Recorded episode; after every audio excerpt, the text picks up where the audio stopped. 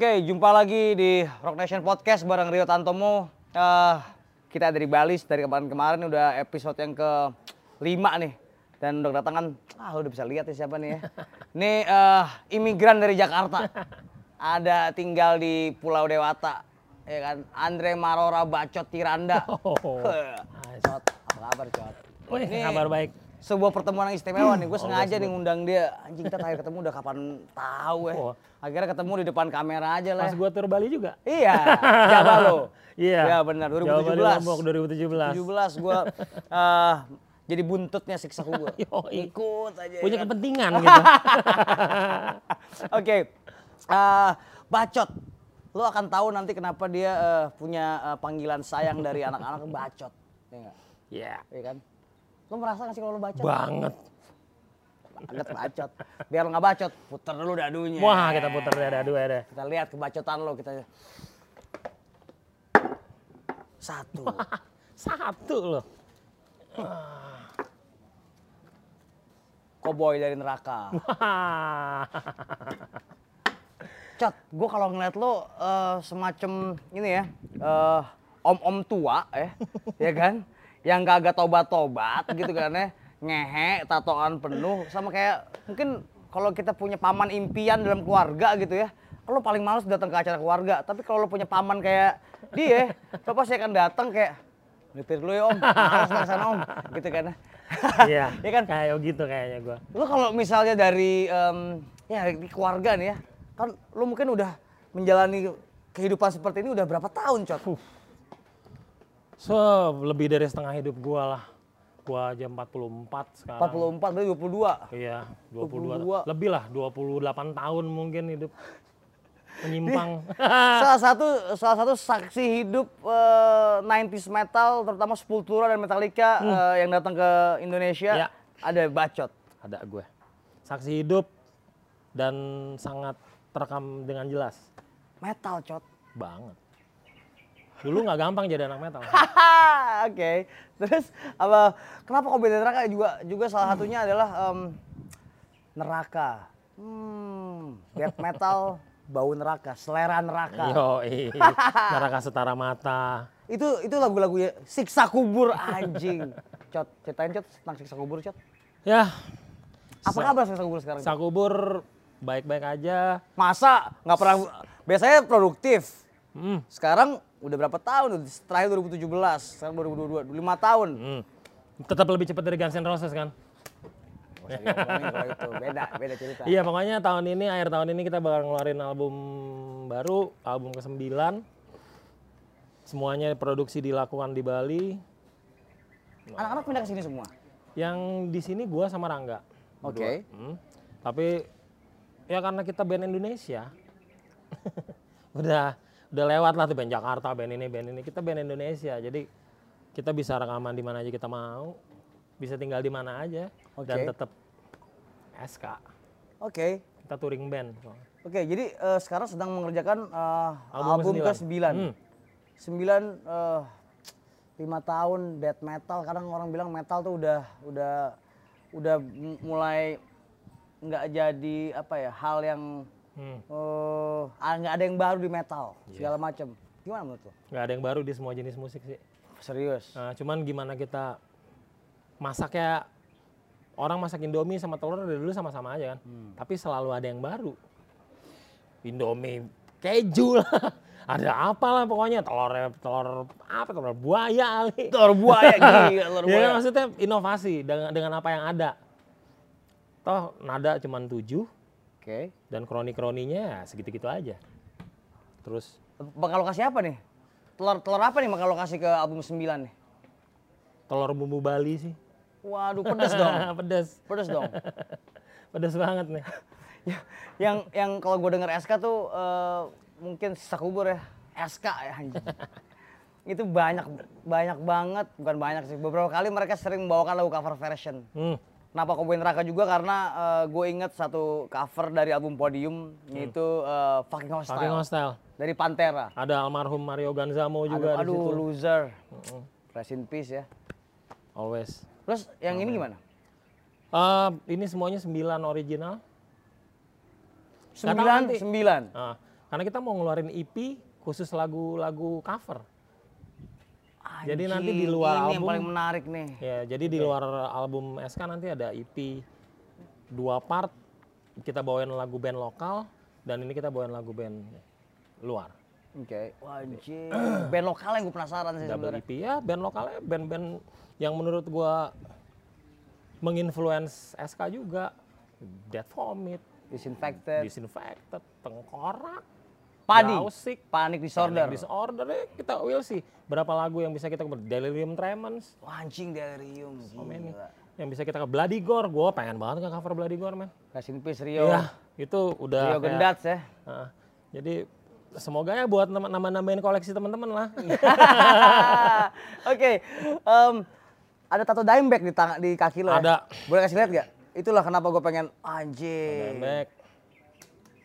Kenapa Dimebag sih, Cot?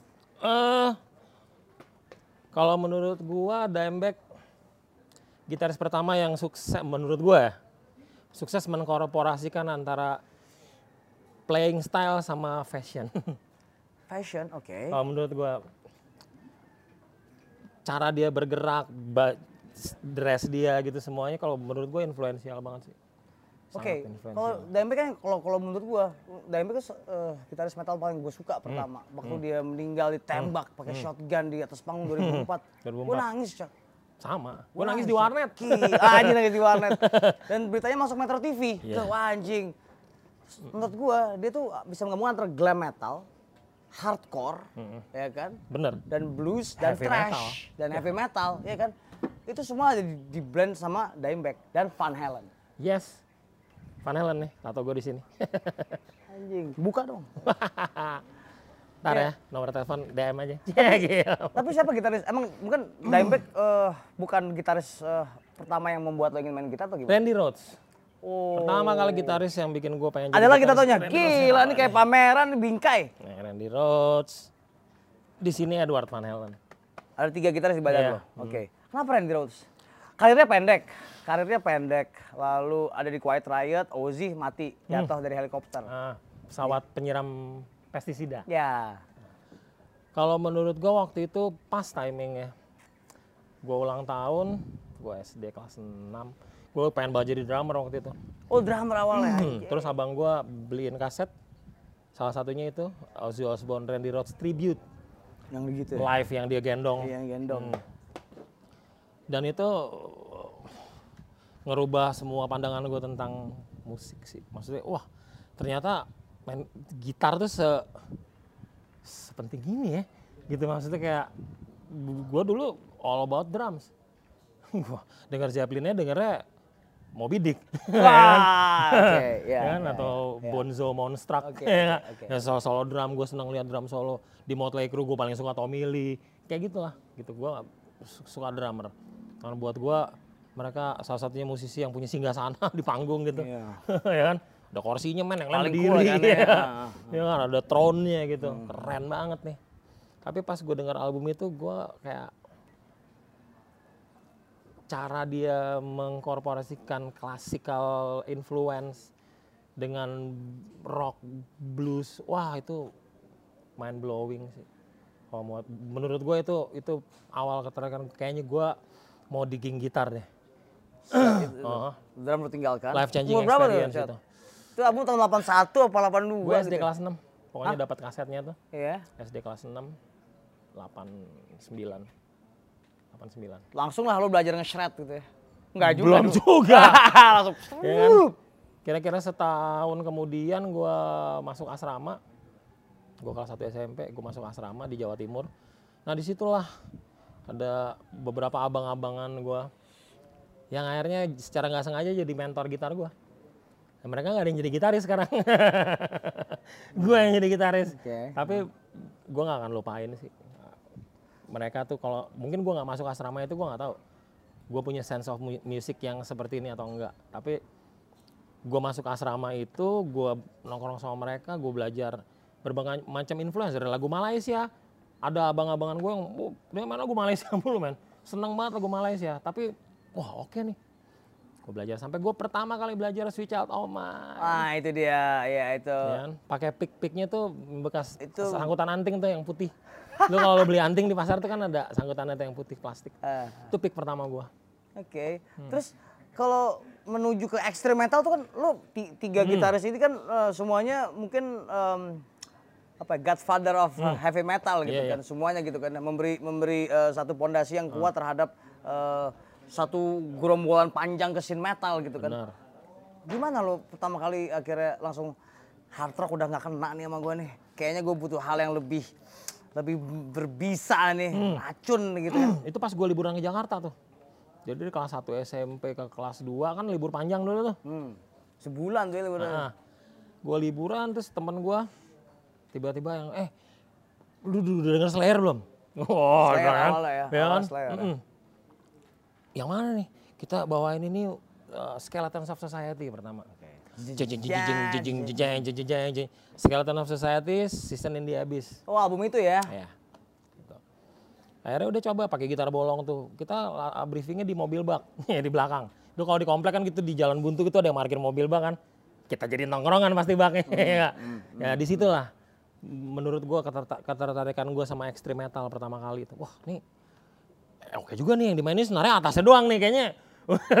kayaknya Downstroke iya ya? gitu ya. downstroke tuh ya? Heeh, gue denger-denger hard rock kan kayak susah-susah banget ya kan. Paul Gilbert, Warren DeMartini, ini susah-susah banget. Tiba-tiba Nirvana nongol ya kan waktu itu kan. Membuka sebuah kesempatan gitu kalau lu yang penting bunyinya, Ah, oke. ya kan. Jadi gue mentrain kuping gue dengan ya nangkep bunyi-bunyian itu gitu. Dan gue nggak pernah nengok ke belakang lagi sejak saat itu udah udah ngulik apaan aja ternyata basicnya kayak gini ya. Open E ya, iya. semuanya bisa iya gitu loh. Ngedap, ngedap, kan? udah ngedap. Iya kan semuanya bisa open chord lu main atas-atas sedikit-sedikit, jejet jejet lu gitu kan. Mulai lah ngulik Sepultura, Metallica. Gimana modal- teknik lo ngelatih tangan kanan? Wah ini kan masih Gimana kuat ya? ya. Gue lahir dengan bakat itu kan. Anjing. Tapi kan ada latihan iya, dong. latihannya main pakai gitar bolong. Kalau buat gue selalu picking di gitar akustik tuh. Yang bikin gue sekarang mungkin eh, jauh lebih nyaman mainin eh, sampai 240 BPM gitu di Oke. gitar elektrik. Tapi karena itu latihannya di gitar, Gitar akustik. bolong? Iya, gitar akustik. Pakai pick yang jelek, yang mereknya Fender tapi bukan. Zaman dulu tuh tulisannya doang ya kan. Ada tuh di toko buku belinya. Lu main dengan pick yang lembek tapi lu ngejar punch-nya Sepultura, ya lu harus nemuin cara. Oke. Itu kan sebenarnya. Jadi akhirnya kalau bisa dibilang gua right hand player. Sebenarnya lu pemain rhythm, rhythm player daripada, Iya, dibanding- right hand dibandingkan arpeggio dan Iya. Gua nggak, bu- that's not my cup of tea gitu.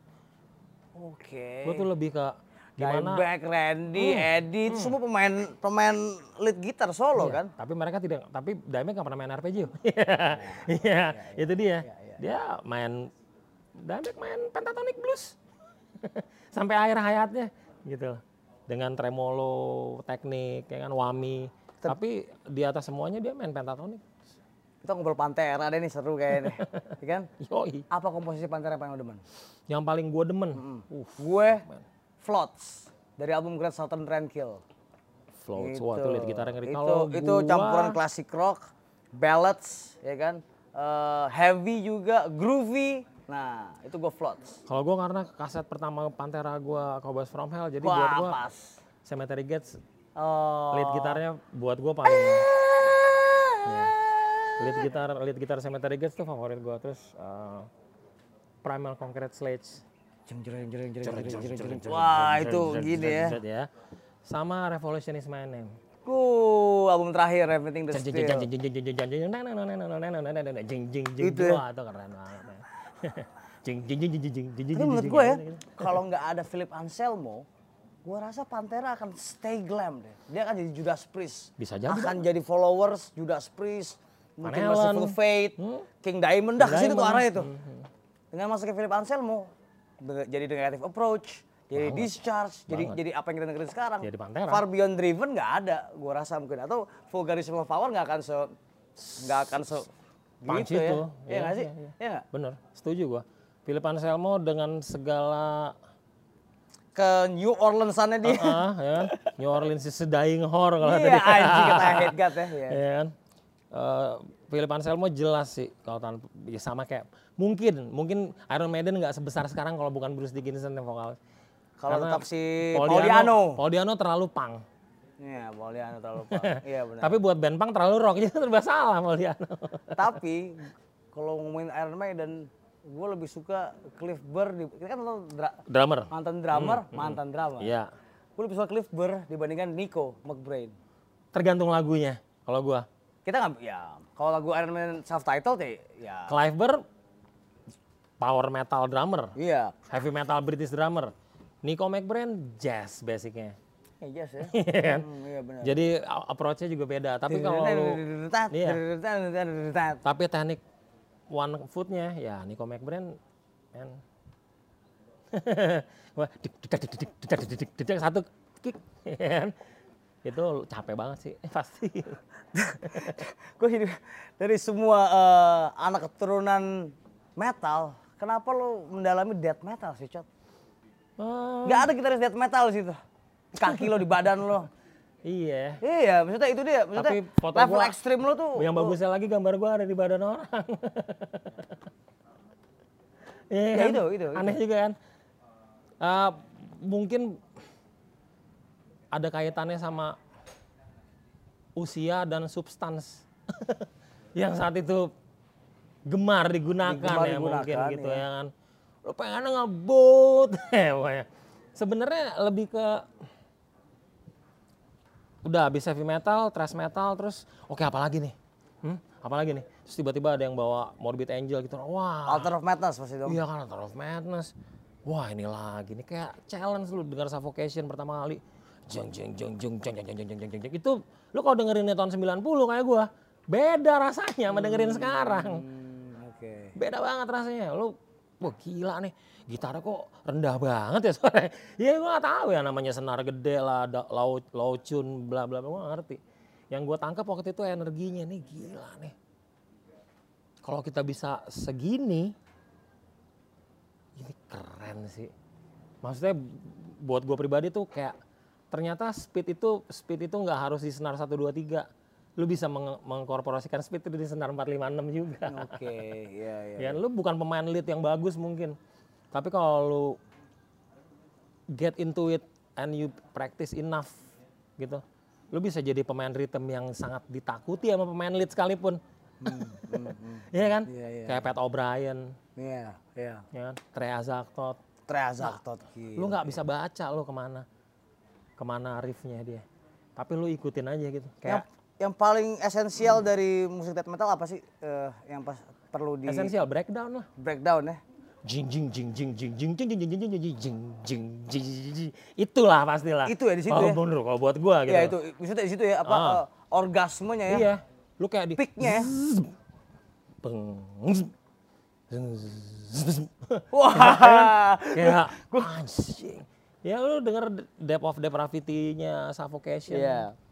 Jeng jeng tata tata jeng tata tata tata tata jeng jeng tata lu mesti lu mesti fokus aja gitu dan menurut gua tuh keren gitu Oke, bahkan eh, untuk lo ngomongin perjalanan musik lo gitu eh, baru disiksa kubur kan sebenarnya lo. yes Di Revitol juga kan trash trash lebih ke kan trash gitu gua trash Iya kan? Revitol kesepakatan kesepakatannya waktu itu kan gini kita main dari kecil nih Yopi jadi anak hardcore Iya. ya. Adi jadi anak punk ya kan Iya. gua jadi anak metal Nah. terus kita gimana cara kita ngeband kita nih main dari kecil loh masa kita nggak ngeband sih ya udah akhirnya bikin kesepakatan kita ngeband nggak terlalu metal nggak terlalu hardcore dan nggak terlalu punk Trash, crossover ya tuh. jadinya crossover Iya.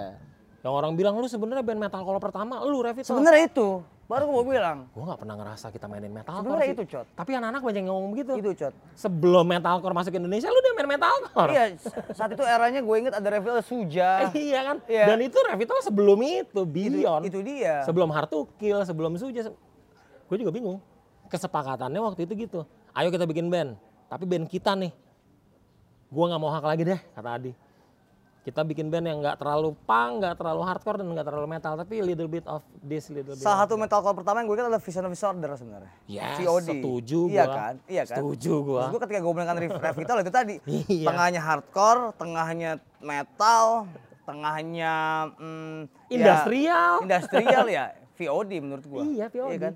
Dan itu, men, VOD tuh vision of disorder tuh gila influential. Ih, Gila sih. Mereka underrated aja. Iya. Dan gue gue suka digging band-band kayak gitu. Agak progresif kan? Iya. Apalagi album keduanya ada Pil Pansel mau juga situ. Featuringnya kan. Uh, Tadi kita sebelum dari sini kita ngobrol kita bakal eh ah, sorry. Bacot bakal bikin album solo sebagai cowboy dari neraka. Gue kadang Yes, penasaran yes, anjing yes, Bacot bikin album solo kayak apa ya? Apakah bakal jadi eh, om-om blues, om-om klasik rock? Oh enggak dong. Enggak lah. Om-om aja. Om-om. Tapi enggak aja enggak enggak enggak om-om blues enggak om-om klasik. Misalnya lo bikin album solo, Cot. Lo mau kayak apa sebenarnya musik lo, Cot? Gila. Dengan segala macam eh, 25 tahun lalu jalan gitu kan. Gue pengen somewhere between progresif uh, avant-garde heavy metal pastilah heavy metal ada di darah gua gua nggak dong, iya dong. ya kan will sih apa yang bisa dihasilin dari tapi gua gua nggak pernah oh gua mau bawain mau bikin album solo blues atau instrumental hard rock nggak pernah gua karena buat gua Jadi gak surprise lagi ya? Gak ada, Ah. nggak ada shock treatmentnya gitu dari dan emang bukan gua maksudnya gua gua sebagai gua nih Andre Tiranda isi kepalanya nggak kayak gitu lah pasti gua tahu gua lah kompleks. pasti The man of ego, yes the motherfucker itself. Andre Maulana Tiranda, anjing lo mang Cot. terus terus. jadi kalau menurut gua hmm, gua mau bikin album yang gua suka selalu kayak gitu jadi kalau albumnya nanti emang susah dinamainnya genrenya apa ya Tadi lo nyebut avant-garde. it's not my business Tadi lo nyebut avant-garde. Apa itu Iya. avant-garde, Cot? Ya sesuatu yang Avant-garde da- dalam kepala lo itu kan sebenarnya sangat kompleks dan absurd dan susah dipegang gitu ya kan. let's say kayak gini deh kayak Nah, kayak kita dengerin Porcupine Tree oke. Hmm. Steve Wilson ya. Iya kan, Stephen Wilson, terus kayak dengerin uh, Orphan Land, Iya, iya. ya kan. Oh, ke situ arahnya. Hmm, kalau gue sih Opet, ya kan, Mastodon, Mastodon. kayak semuanya tuh punya sedikit Emperor, sedikit Satiricon. gue nggak suka bikin satu lagu yang, oh ini lagu enak nih, geblus banget. Oh lagunya enak nih, eh, s- slow rock banget enggak enggak. Mungkin lagu itu dimulai dengan petikan dan diakhiri dengan black metal kita nggak pernah tahu. akan akan ada sebuah mungkin lah entah ya kalau progresif itu kan ada sebuah kisah yang di, di, di, di, di bawah ya misalnya kita dengerin Genesis, Hmm. Iya, iya, iya, iya. Kayak segala gitu macam. Oke, gitu. Ketok palu, lu udah menjadi om-om lo bener Gua lo. ngomong aja udah. Om om progresif lo emang lo. Di situ pengennya. Kalau gua nggak sanggup maininnya, gue tinggal minta tolong temen gua yang bisa mainin. gue punya sketsanya gitu. Oke. Bukan masalah. Jadi itu itu apa se- semacam mimpi yang akan lo wujudkan sebagai untuk bisa eh, mendeskripsikan siapa itu Andre Tiranda ya? Oh iya, Sebagai iya. musisi ya? Iya. Ya kayak Dave Grohl sama Probotnya lah, Oke. Kurang lebih. Ya dia kan nggak bisa nggak bisa Wah, bisa di nggak bisa. Dia- Probot itu apa alirannya? Nggak tahu. Oke. Iya kan? Kurang lebih kayak gitu. Kalau menurut gue. Dan gue nemuin kesenangan di situ. Seneng loh ketika kita mainin sesuatu itu orang nggak ngerti. Ah, Anjing. Oke. Mungkin itu sebenarnya yang dibilang sebagai avant-garde adalah ketika lu memainkan sesuatu orang nggak ngerti. Iya. Orang bertanya-tanya. Orang bertanya-tanya. Orang punya konklusi sendiri gitu. Iya, itu Ini lagunya lagu apa ya? Iya, nggak bisa diklasifikasikan Iya kan? dengan Iya. dengan eh, sebuah rock bible gitu ya. Nggak bisa. Sedangkan buat gua album album solo tuh ya namanya juga album solo berarti it's all about me. Gue mau pakai semua efek yang gue punya. Terus kenapa emangnya? kan gitu kan? Nggak ada urusannya. Gue pengen bikin showcase sendiri kayak cuman pakai lilin doang kayak gue mau bakar apaan kayak itu itu, itu udah udah bukan urusan orang lagi. Oke. Udah Apa yang membe- apa yang membedakan eh, ego intelektual dan ego masturbasi? ego intelektual cenderung ada gunanya buat orang lain. Oke, oke. Ego masturbasi you know lah. Iya maksudnya kadang-kadang kan kita terjebak di antara itu kan. Iya. Kadang-kadang eh, ego tuh oke kita punya semua ego. Kadang-kadang em, lu akhirnya menderaskan apa yang ada di kepala Hmm. lu gitu kan. Ketika eh, ego itu berjalan dengan tepat gitu kan, dia akan menghasilkan sesuatu. Iya. Ego masturbasi ini kadang-kadang kita terjebak gitu kan. Susah Wih, itu, Cot. Kita butuh ego masturbasi juga sebenarnya. Oke. Tapi di mana kita naruhnya dan kapan kita menunjukkannya. sebetulnya. Hmm. Kalau menurut gua ego masturbasi itu ketika lu bermain gitar, ketika lu main solo gitar dan lu tenggelam dalam permainan lu sendiri itu ego masturbasi.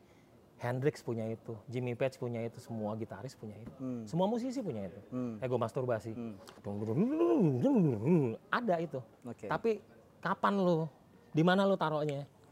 Jangan terus-terusan, malas juga ngeliat lu coli mulu, Nah, kan gitu kan? iya, iya, Iya iya, kan, iya, iya iya, iya. Gitu. Jadi kayak it's just a matter of where and when Oke. gitu. Menurut gue ego masturbasi sangat kita butuhkan karena masturbasi itu sehat. Pertama, Mencegah iya, kanker prostat. Iya, iya.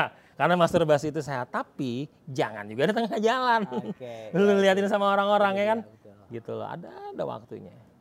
Kadang lu ke, ke kosan temen lu, temen lu habis ngocok gitu keluar kamar mukanya seger ya kan. "Loh, Sorry nih, gue lagi kamar mandi. Aman, aman, ya kan? Iya kan? Tapi dia ceria gitu. It's okay. Oke, oke. It's all good. Bagaimana cara menghadapi seorang Andre Tiranda sih dengan egonya? Ah, Karena lu pasti udah menem- menemukan banyak orang yang sebenarnya ketika, ketika ketemu Andre ngentot juga nih orang malas cabut ya kan atau enggak ada Iya. yang bisa berteman sama lo dalam waktu yang lama gitu kan. Banget. Tiba-tiba kayak lu banyak kehilangan teman, banyak dapat teman. Nah, itu kan sebenarnya bagaimana cara eh lu melihat lu kalau mau ngadepin gue tuh kayak gini ya dengan ego gue yang tinggi ini nah lu Oh. kadang-kadang bisa sebetulnya simple. Show yours. ah ditantang balik gitu Iya. kan. Gitu maksud gua. Nggak, gua, lu nggak perlu ngadepin gua, lu cuma harus bisa duduk sama-sama gua.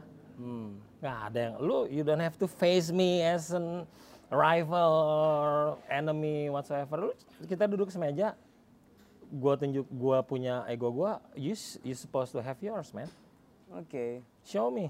Oke, oke. itu oke, aja sih oke. sebenarnya. Gue suka orang-orang yang yang bisa menari di atas egonya. Huh. Gue suka, Uh, iya, iya. suka banget gue. Iya, iya. Karena orang-orang itu yang selama ini gue anggap alter ego gue. Oke. Iya. Iya, iya. Kelas Sulis nggak jago main drum ya. Tapi gila Tapi, dia yang men. atur semua ya. Lu mau ngomong apa? Jangan sampai diusir sama dia. Lu nggak mau ngeband sama gue? Mustaine Hah? tendang. Fuck you. Ya kan? Iya, iya. Sekarang kita ini bukan masalah ego. Tapi di mana lu tunjukin ego lu dan apa manfaatnya Oke. kalau lu pertahankan ego lu. Kita kan punya pemikiran sendiri. Oke, lu ini pohon depan rumah lu nih. Pokoknya nih pohon gua nggak mau tebang. Iya nggak gitu juga lah. Iya, iya. Benar kalau misalnya lu perlu perlu apa gitu kan? Lu pasti ada pemikiran. Iya juga ya. Ya udah deh. Tak kalau emang kamu mau bangun rumah nggak apa-apa deh ditebang pohonnya kan gitu kan? Iya, oke. Ada hal kayak gitu kan Itu lu. harus di manage juga berarti. ya? Iyalah Iyalah. iya. gitu loh. Lu tetap harus tapi intinya jangan gampang juga untuk meredam ego lu. Cemen. Hmm, ini penting nih. Ini penting nih. Iya. Oke. Menurut gue ego tuh sesuatu yang lu yakinin banget. Itu ego. Tak, iya kayak Noel Gallagher bilang udah deh, lu ngeband sama gue aja ya, tapi mainin lagu gue. Tajir semua nggak sekarang Oasis? Berarti menurut lo orang jenius kebanyakan mempertahankan egonya dong? Jelas lah. Jelas dong. Gila loh, Judas Priest lu, Rob Halford tuh tanya lu nggak nulis lagu cinta sih? Oke. Iya Tapi Rob Halford tendang dari Judas Priest. Dua album. tapi dia balik lagi. Hancur. Iya kan? Hancur. Bener nggak? Iya, Simpel kan? Iya, iya, iya. lagi. Eh, Gitu. Dia nggak pernah nulis lagu cinta. Gitu. ACDC nggak pernah dapat ilham dari perempuan yang dicintai. Dapat ilhamnya dari stripper. Dari stripper. Dari Iya perempuan kan? gendut. Dari perempuan Walter gendut. Rossi. Iya. Iya, Ya kan? iya. Walter Rossi. Iya. Jadi Eddie Van Halen itu cerminan orang paling ego anjing Iya di rock and roll salah satunya adalah Iyalah. si tai satu itu. Iya dong. Dan semuanya seperti itu Eric Johnson. Gue nggak mau main gitar kalau kabelnya ngegulung. Gue gue ingat sebuah cerita ketika eh, Eddie Van Halen ini absurd cerita ini. Dia diundang sama eh, Fred Durst untuk gantiin Wes Borland. Oh iya. iya. Eh enggak? Lu Itu pernah cerita itu enggak? Itu absurd banget Absurd banget kan? Itu Dia- anjing sih. Dia datang akhirnya ke ke rehearsalnya Ah, Limp Limp Bizkit. Terus gara-gara apa ya dia? Tiba-tiba dia keluar terus dia nggak mau main lagi gitu kan. Gara-gara salah salah salah cunan apa nggak salah ya? Ya itu dia, Iya, itu, tai eh, banget anjing. Ya itu kan. Dan dia sebenarnya tidak mau bermain untuk Limp Bizkit, dia cuma pengen tahu apa yang akan dilakukan sama anak-anak di bawahnya dia. Iya. Itu dia. Dia di Van Halen, ngapain dia main-main Limp Bizkit kan gitu kan kalau dipikir-pikir kan. Ya. ya itu, mak- maksud gua ego tuh ketika lu ngerasa I this is right for me. Oke. This is the best thing I can even think of. Ini, lu boleh punya pendapat dan gue juga boleh dengar pendapat lo, ataupun malah ngikutin pendapat lo. Itu nggak bikin ego gue jadi terpuruk kok. Gue Oke. cuman berkonsolidasi dengan ego gue. Atau lo gitu. mengkritisi sebuah ide, mengkritisi sebuah apa ya, eh, eh, inspirasi yang akan mencari jalan terbaik sebenarnya atau Iya, selalu begitu. Sekarang kalau kita kehabisan hal yang kita kritisi, apa menariknya lagi hidup nih? Jadi sebenarnya bermain band sama lo tuh susah ya. susah. susah, susah. Susah. Gak mudah tau gak lo? Maksudnya dengan dengan dengan dengan segala macam eh, kompleksitas yang dikeluarkan dan kejeniusan yang lo keluarkan, akhirnya eh, harus harus bisa juga berkompromi dengan hmm, si anjing satu ini Iya. gitu kan. Ya kan kayak The kayak devil inside or the angel inside, ego. dulu- ego. Kayak gue bilang dulu masalah radio show. Gue nggak ngerasa kita perlu main. Gue nggak bilang itu salah atau itu benar, no. Oke. Gue nggak pernah punya punya penilaian. Oh itu salah main di situ berarti enggak. Gue cuman bilang, gue tidak merasa itu tempat yang ben, itu tempat yang tepat untuk kita. Di TV, Iya kan? Gue nggak ngerasa itu tempat yang tepat untuk kita. Kita lihat aja ntar radio show apa SK yang bertahan. Siapa yang bertahan? harusnya beritahu setahun, setiap hari, Iya kan? seminggu setiap hari gitu kan. Tapi gini deh, oke. kan? Gua akan men-challenge lo. Oke, di TV nggak tepat buat death metal. Tapi dengan lo masuk TV, mungkin semua orang akan akan melihat death metal dan akan akan mimpi lo sebagai musisi yang sisa kubur bi- bisa Tergantung spreading the, acaranya. the message and the news. Iya, bukan masalah masuk TV-nya, Oke, acaranya oke. Di, di stasiun, stasiun TV-nya atau apa ya nih? di stasiun TV-nya, di Oke. Hmm. acaranya, di konsep acaranya. Kalau radio show pertama yang konsepnya masih kayak radio, yang SID main pertama tuh, that's cool. Konsepnya si SNS itu cool menurut gua. Nice kayak kayak uh, model-model siapa? Howard Stern. Ya, oke Howard Stern ya. Iya kan? Iya, iya. Metallica Ada main di Ramones situ. Slipknot main di situ. Iya. Konsepnya kayak radio kan? Oke. Di interview ngomong main. Tapi ketika udah melibatkan panggung gede, produksi apa segala, apa radionya? Oke. Mungkin lo akhirnya merasa eh, musik lo dikomodifikasikan, Dieksploitasi. dieksploitasi. Oke. Kalau menurut gua. Sampai sampai gua yang gua takutin adalah ketika kalimat ekstrim metal tuh udah kehilangan nilainya lagi. What's so extreme about metal anyway now? Oke. Hah? Ketika lo menganggap Isyana Saraswati adalah seorang musisi metal, Progresif metal. Progresif metal. kan, ya. Sorry Dengan nih, gitu ya dengan- kan. Dengan keyboardnya gitu kan. ya enggak, bukannya gua gua nggak ada masalah lagi-lagi. Iya. Tapi segitu doang gitu.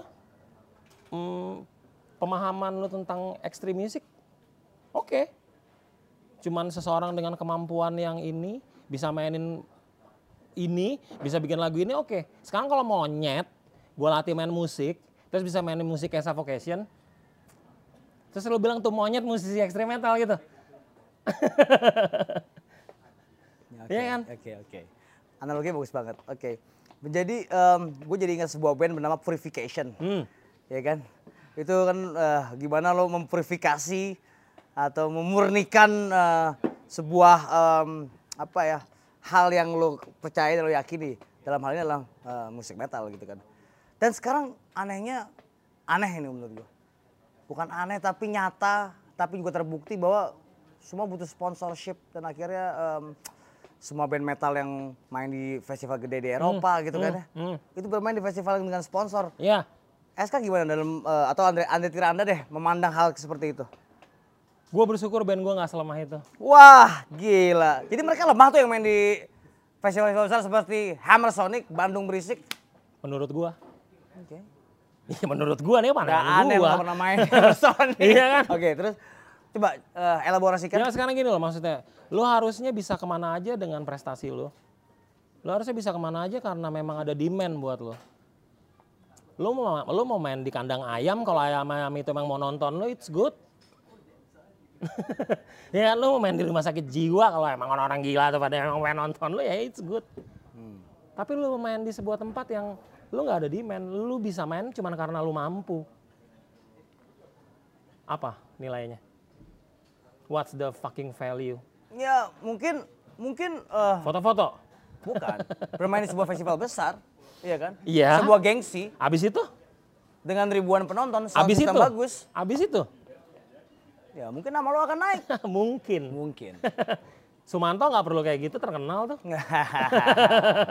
lu cuma mau naikin nama. Oke. Lu coli aja tengah jalan. Jadi jalan apa yang dipilih? Temen lu suruh videoin di TikTok. Famous lu. Jadi jalan apa yang dipilih sama Siksa Kubur sebenarnya untuk bertahan? Ini udah udah oke sejak lo masuk Siksa Kubur tuh 2003 ya. 2001. 2001 eh, rilis album 2003 gitu kan. Akhirnya sampai sekarang eh, ada di sini gitu. Jadi jalan apa yang dipilih sama Siksa Gini Kubur? nih, kalau gue simpel nih. Kalau menurut gue main band itu kita ikut-ikutan. Oke. Kita main band death metal, kita ikut-ikutan. Ikut-ikutan band death metal lah. Ikut-ikutan, apa yang nggak ikut-ikutannya? Oke. Hari ini Suffocation pakai baju itu, besok kita nyari bajunya kita mau pakai. Besok kita lihat Cannibal Corpse pakai baju itu, kita mau nyari bajunya kita mau pakai. Oke, ikut-ikutan. Terus kenapa hal yang nggak pernah dilakukan mereka kita lakuin? Kalau mau ikut-ikut ya jadi pengikut yang baik aja sih kalau menurut gua. Oke. gue emang ikut-ikutan, gue orang peng, gue tukang ikut-ikutan. Gue cuma ngikutin band yang menurut gue emang gue suka, attitude-nya, mentalnya dan segala macam. I don't give a fuck. Gue pengikut, gue followers, gue bukan inovator or whatsoever. Oke. Tapi setidaknya gue jadi pengikut yang baik dan gue tahu apa yang gue ikutin. Oke. Oke. Mau sampai kapan sih lo kayak gini, Cot? Keras Ya. kepala. Ya sampai mati. Risikonya udah tempuh ya berarti ya? Ya risikonya lo tempuh se, se, Oh iya, se push the limit ya gitu ya. Selalu. Gua gini loh, orang kadang tidak siap dengan eh, pandangan orang lain yang berbeda sama mereka. Menurut gue itu bagus loh. Karena gue yakin seribu juta persen banyak yang nggak sependapat sama gue. ya? Oke. Jadi buat gue itu biasa aja. Kalau gue nggak sependapat sama lo, fine. It means lu nggak harus sependapat sama gue. Bukan berarti gue nggak sependapat sama lo terus lo nganggap gue musuh. Well, fuck you. Gitu loh. Ini bukan ranah metal ini bukan punya bapak moyang lo. ya kan? Ini bukan tempat bermain yang dibangun sama keluarga lo. Bukan. Ini tempat bermain yang dibangun oleh jiwa-jiwa yang resah dulu, yang punya problem di rumah dan nemuin kekeluargaan di situ. Ini bukan tentang siapa yang paling rockstar, siapa yang bayarannya paling mahal. Bukan, menurut gua loh. Kalau menurut kalian itu salah, I don't give a fuck. Reinventing the steel. Reinventing the steel, man. Mau ngomong apa gitu.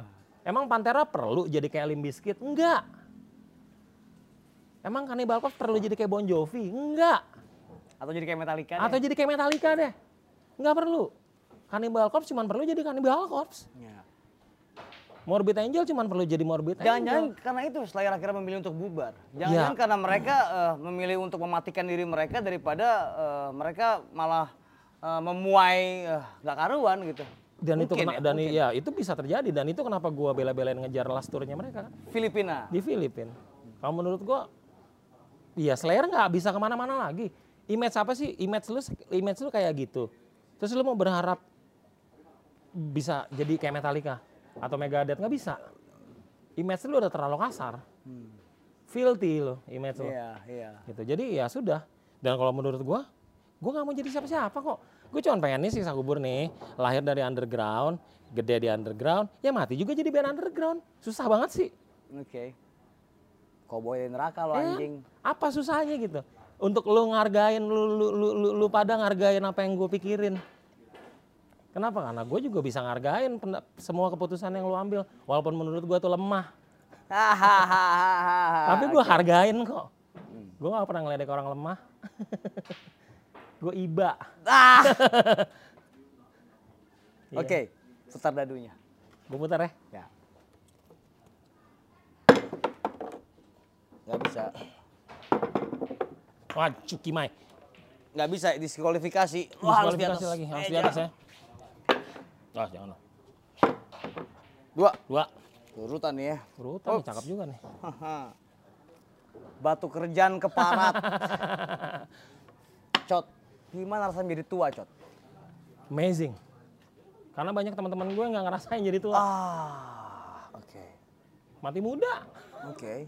Ya menurut gue jadi tua tuh kayak oke. Awesome. Awesome. Maksudnya sebuah evolusi perkembangan diri atau maksudnya gimana sih? Apa lo eh ya itu apa awesome tuh gimana? Bahkan banyak orang yang ah gue mati muda aja. Tua Ah. tuh Ada pohon yang bagus di foto pas lagi banyak bunganya. Tapi banyak pohon yang keren kalau lagi nggak ada bunganya. Oke, ya, oke. kalau lagi nggak ada daunnya gitu kayak obituari foto, wah pohon-pohon kering. Jadi nggak semuanya itu harus berbunga sih. Iya. Tergantung perspektif lo aja. Kalau gue ngelihat gue sekarang kayak sebuah pohon tua yang udah nggak ada daunnya. Tapi keren buat foto-foto. ada ada satu eh, apa namanya eh, pemikiran gue terhadap menjadi tua itu ya. Jadi tua itu bukan untuk orang lemah. yes, Iya nggak sih? betul sekali. Kalau kalau bisa bisa bertumbuh menjadi eh, seorang yang berusia lebih dari taruhlah 40 gitu ya. Hmm. Itu berarti lu bermental kuat. Kalau enggak udah mati karena tekanan di, di umur 25 sampai ke 40 itu gila men, ya kan? Gila, emang. Dan ya gue, makanya gue bilang gitu, awesome kenapa? Karena gue ngelihat kalau, oh ternyata kayak gini ya. Rasanya, rambut gue udah memutih segala macam. Potong pendek lagi sekarang. Iya, ta- tapi udah mau gondongin lagi. Gue cuma dua kali ngeliat potong pendek. Sekarang sama pas botak. Iya, iya, iya, iya. Oke. Ya kan, Terus terus terus. eh, terus gue pikir, ya gue anggap gue ngewakilin teman-teman gue yang nggak nyampe tua. Gue ngewakilin mereka deh buat ngelihat apa yang mereka nggak lihat, ngerasain apa yang mereka nggak rasain. Something like that. Atau jadi tua tapi nggak cool lagi. Jangan sampai. Iya, Banyak dong teman-teman kita yang Banyak. Iya kan? Dulu banyak. keren, kita nongkrong bareng, Banyak, musik banyak. bareng, mabok bareng segala macem. Pas udah tua kayak Grumpy old man gitu. Rampi old man terus eh, males nongkrong, Nah. mungkin mungkin ya udah udah udah udah akhirnya eh, berbelok di persimpangan gitu. Mereka kurang suka motorhead berarti. Iya. benar. Iya, iya, iya, iya. Terus em, keputusan lo untuk pindah ke Bali Hmm. seperti sekarang ini, apakah itu juga sebuah pertimbangan yang mungkin memasuki usia tua dan segala macam lo memikirkan masa depan gitu? Hmm, sebetulnya pindah ke Bali itu hal yang gue impiin sejak tahun 2013. 2012, 2013. 13 12 anjing, mungkin lu 10 tahun lalu. Hmm. ya. Ya. Tapi karena satu dan lain hal ya, belum waktunya aja kali. Kenapa Bali sih, Cat? Em, nyokap gue meninggal di Bali. Oke. Ada hal abang gue pernah tinggal, iya abang gue pernah tinggal di Bali. Kakak gue yang perempuan juga tinggal di Bali. Almarhum om gue salah satu dealer ternama di Bali. ya kan, jadi kayak Ini mobil, dealer mobil kan maksudnya kan? Apa dealer apa sih? ya kendaraan bermotor Oh, lah. Oke, bermotor. Cepet Oke. cuman Oke, jalannya. cepet ya, Oke.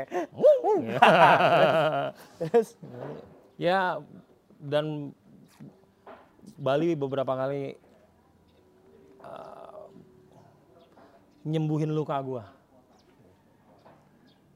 So I think this like Anjing juga ya si anjing satu ini. Berarti bukan buat hura-hura gitu ya? no, bukan. Bali melengkapi lingkaran hidup gua kalau menurut gua. Now the circle is full Masa? kalau menurut gua.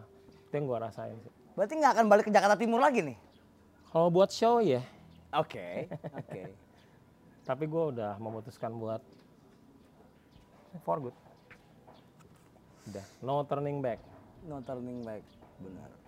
Karena gue ngerasa di sini masih banyak, di sini masih menghargai yang namanya apa hal-hal yang masih pure. Dan banyak teman-teman di sini yang dan mereka don't give a fuck sama famous sama you know rock stardom whatsoever fucking bullshit yang ada di kota-kota besar lainnya. Dan itu nggak ngurangin respect gue sama mereka sedikit pun. Yang gue kenal sejak entah berapa tahun puluh la- tahun lalu. Contoh gua sama Siksa Kubur main di GWK tahun 2003 Oke. Sama band band-band metal Bali gitu band-band death metal Bali yang ketika gue pindah kemari tahun 2020 mereka tetap sama apinya sama permasalahan di keluarga mereka beda-beda mereka udah berkeluarga udah jadi ayah udah jadi kakek bahkan. Tapi Mo. tapi itu nggak, ya dia salah satunya. Tapi itu nggak nggak bikin mereka berhenti untuk jadi anak ekstrim metal. Anak itu nggak bikin mereka berhenti jadi anak-anak. Still the boys. Boys will be boys. Ah. Di Jakarta terlalu banyak kompleksitas. Belum ngapa-ngapain udah ngitung. Oke. Ya kan, lu jadi mirip afiliator jadinya daripada musisi. gitu ya kan kayak gua nggak gua nggak bilang itu salah juga tapi it's not for me man it's too much gue cuman pengen mainin musik yang gue suka gue pengen punya teman-teman baru masa lalu kenal gue atau enggak it's not my business anyway gue nggak pernah merancang sesuatu untuk oh gue mau ngeluarin album ini supaya terkenal ya Berarti lu sebenarnya nggak pengen terkenal dong ya? gue cuma kapan lu berhenti pengen terkenal? gue cuman pengen main musik Rio dari dulu Oke. kalau gue pengen terkenal mendingan gue masuk Peter Pan audisi ya kan Oke, iya. tampang ada lah gue ya kan bisa kalau cuman Cot. jadi gitaris 20 tahun lalu bisa lah, sekarang kayak udah enggak deh. ya sekarang jadi gitaris Gus Plus lah ya maksudnya kalau kalau kalau kalau cuma mau terkenal menurut gue kesian banget band kayak Suffocation Suffocation tuh legend loh lu tanya deh cewek lu tahu nggak Suffocation Iya, iya, iya, iya. Hah? Lu tanya tetangga lu, kenapa saat malam pak? Bapak tuh suffocation nggak? Enggak kan? Tapi ketika lu tanya, bapak tahu jamrut nggak? Uh, tahu dong. pasti dong. iya. Jadi suffocation lebih terkenal dari jamrut. Jadi lu mau jadi suffocation apa mau jadi jamrut? Maksudnya ini, ini, ini bingung nih gitu loh. Itu sebuah analogi ya. Itu ana- ini Wah, cuma analogi ya, itu analogi. sebuah sebuah pilihan. Ini sorry. sebuah pilihan. Sebuah lu mau terkenal, go for it. Tapi yang langkah kerennya kalau lu terkenal juga pakai cara-cara yang asik. Oke. Cara-cara yang menginspirasi orang. Oke, gue pengen kayak dia nih. Dengan hal seperti ini, kayak Kurt Cobain, siapa yang nggak pengen kayak dia? Lo. Lo nggak pengen kayak Dia aja, dia aja nggak pengen kayak dia. Iya, benar. Bener nggak? Coba. Iya, iya, iya. Ya kan? Orang selalu nganggap seperti itu. Wah, Kurt Cobain gini. Lu tanya sama Kurt Cobain. Ya, Lu bahagia nggak jadi diri lu sekarang? untuk menjadi orang terkenal lukanya dalam sih Ya sebenarnya. iya. Iya. Tapi sekarang begitu banyak yang pengen, maksudnya men, kalau lu cuman pengen jadi terkenal dan lu nganggap lu jadi musisi ekstrim metal untuk jadi terkenal, it's your business. Tapi lu nggak bisa berharap gua nganggap kalau hal itu cool karena itu nggak cool buat gua. gua nggak bisa berpura-pura sih orangnya. Oke. Hah? Gue tertarik sama mm, eh, omongan lo bahwa Siksa Kubur itu udah band Indonesia. Iya. Bukan lagi band kalau band berasal dari kota mana, kota mana, Iya, kota iya, mana. Karena kalau kita lihat di sebuah flyer acara kan Siksa Kubur, Jakarta. Ya, udah nggak ada lagi kan itu? Ya kan, Iya. ya kan, bisa Trojan, kubur doang udah. Denpasar, ya kan, atau misalnya Jin, Hmm, Medan. Ya maksudnya hal-hal seperti itu kan malah sekarang masih ada cot kayak gitu tuh cot. Iya, cuman Masih masih S- ya. SK, SK udah berhenti kayak begitu udah Oh, lama. SK udah nggak mau kayak gitu Iya dong, kan udah nggak ada bisa kubur doang. Lihat Ya akhirnya itu malah malah mengkotak-kotakan apa ya satu teritori dan dan Iya. membuat sentralisasi sebuah scene gitu ya. Iya, sedangkan lu ngeliat di pamfletnya Maryland Dead Fest itu nggak ada tulisannya Colorado, Arkansas, Ohio kan nggak ada. Jadi mereka kadang-kadang musiknya sendiri akhirnya eh, jadikan nomor dua bahwa identitas mereka yang dijadikan Hmm. utama gitu kan. Yang gue sebetulnya se- yang bikin gue ngerasa bukan sedih juga sih, lebih banget gue bilang kalau gue sedih.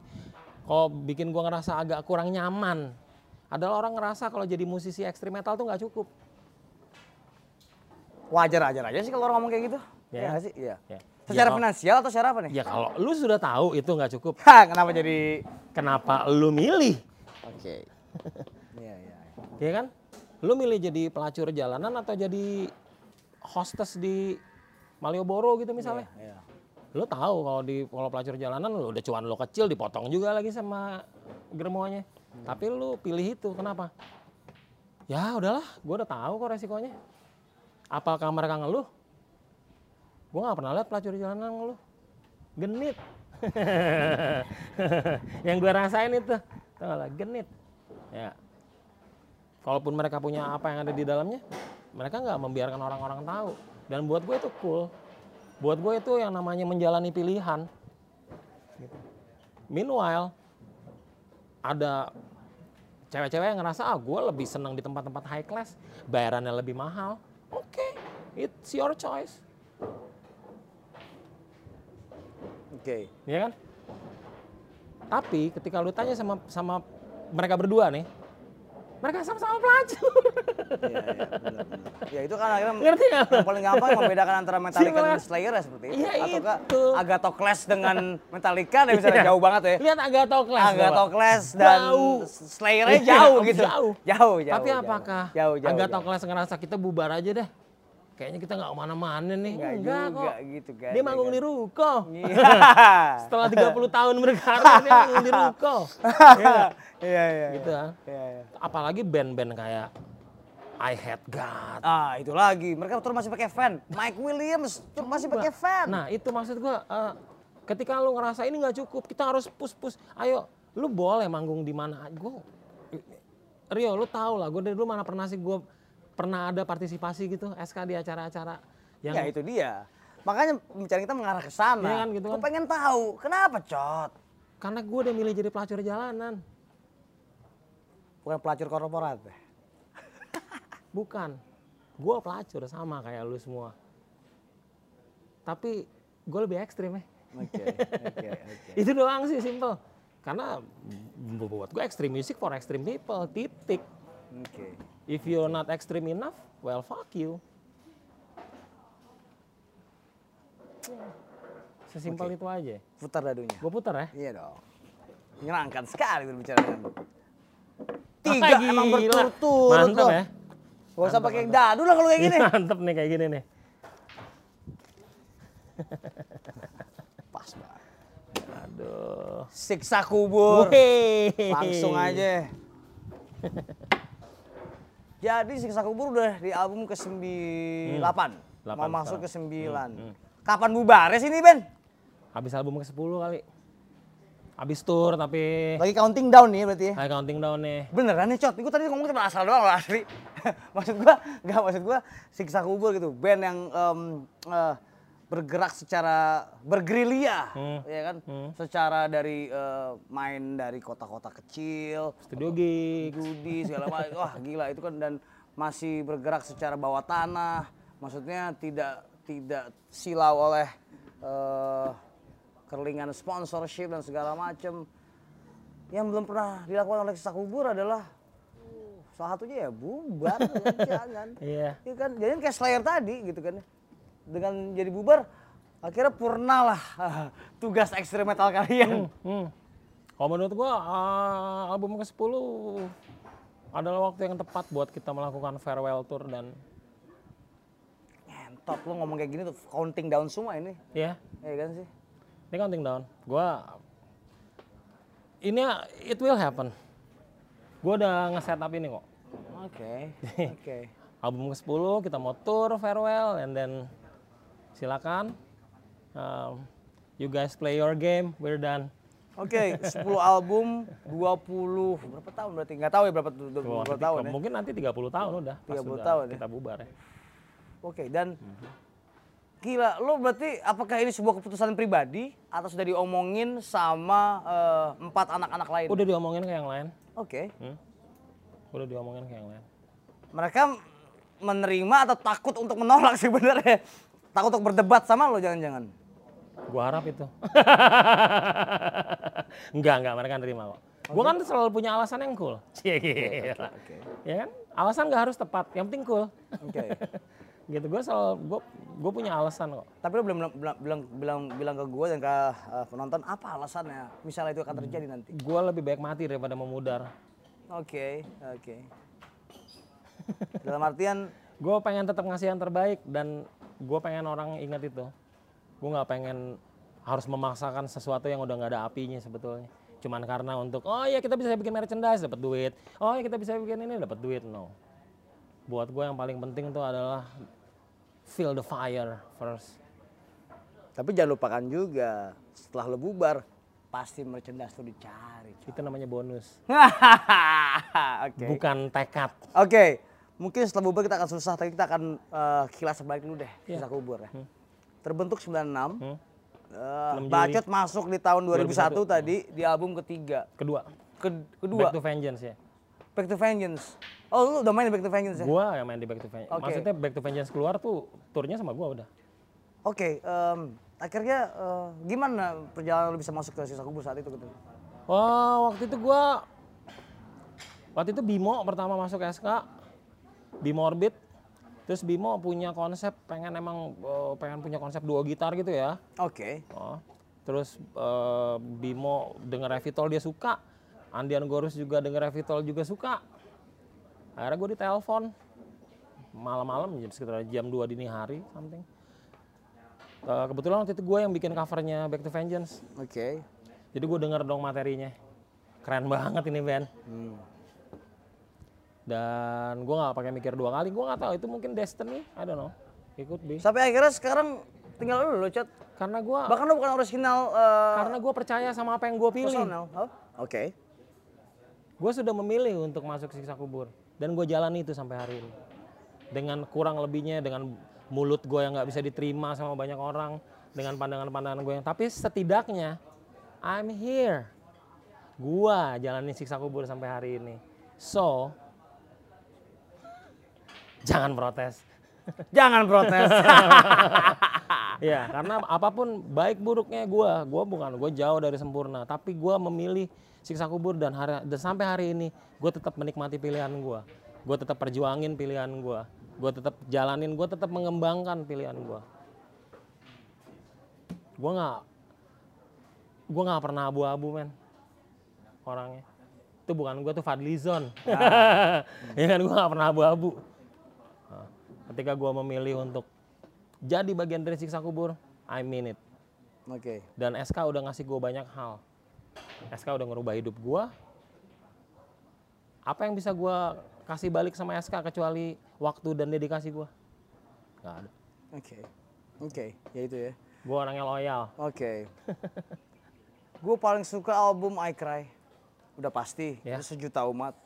Tapi di situ loh menurut gue, uh, gue gak terlalu suka symphonic metal ya. Tapi di situ lah ada semacam eh, sentuhan symphonic metal yang dikasih ke I Cry. Hmm. Seperti apa lo mengenang I Cry itu 20, 2003 kalau nggak salah itu ya? I Cry Bagaimana lo 2003. me- Oh, melihat, iya. me- me-flashback Itu album dengan itu mungkin album dengan nyali tertinggi. Album death metal yang dirilis dengan sepenuh nyali dan sepenuh hati karena di situ siksa kubur ganti logo. Ah, oke. Orang logonya tajam-tajam kita udah ganti. Terus Udah gak akar-akar lagi ya? Ya, ketika oh, cover-cover CD Oke. masih gambar-gambar monster, gambar-gambar setan, kita gambar buku. Iya itu Alkitab. ya? Iya kan? Ya, oke. Em, Pertimbangannya apa, Cot? nggak ada pertimbangan ya. Kita nggak mau nimbang apaan orang nggak ada yang peduli kita rekaman apa enggak, albumnya sukses apa enggak, apa yang mau dipertimbangin. Oke. Kita cuman bikin Apa ingin nggak mau jadi nggak mau jadi followers tadi itu? seperti itu kurang lebih kita semuanya Japra, Andian, Bebek, gua kita semua punya punya visi yang sama kalau setidaknya kita bikin apa yang belum dibikin orang. Kita kita suka sama musik ini. eh, kita senang sama konsep kita sendiri. Yang paling penting kita dulu yang harus senang. Hmm.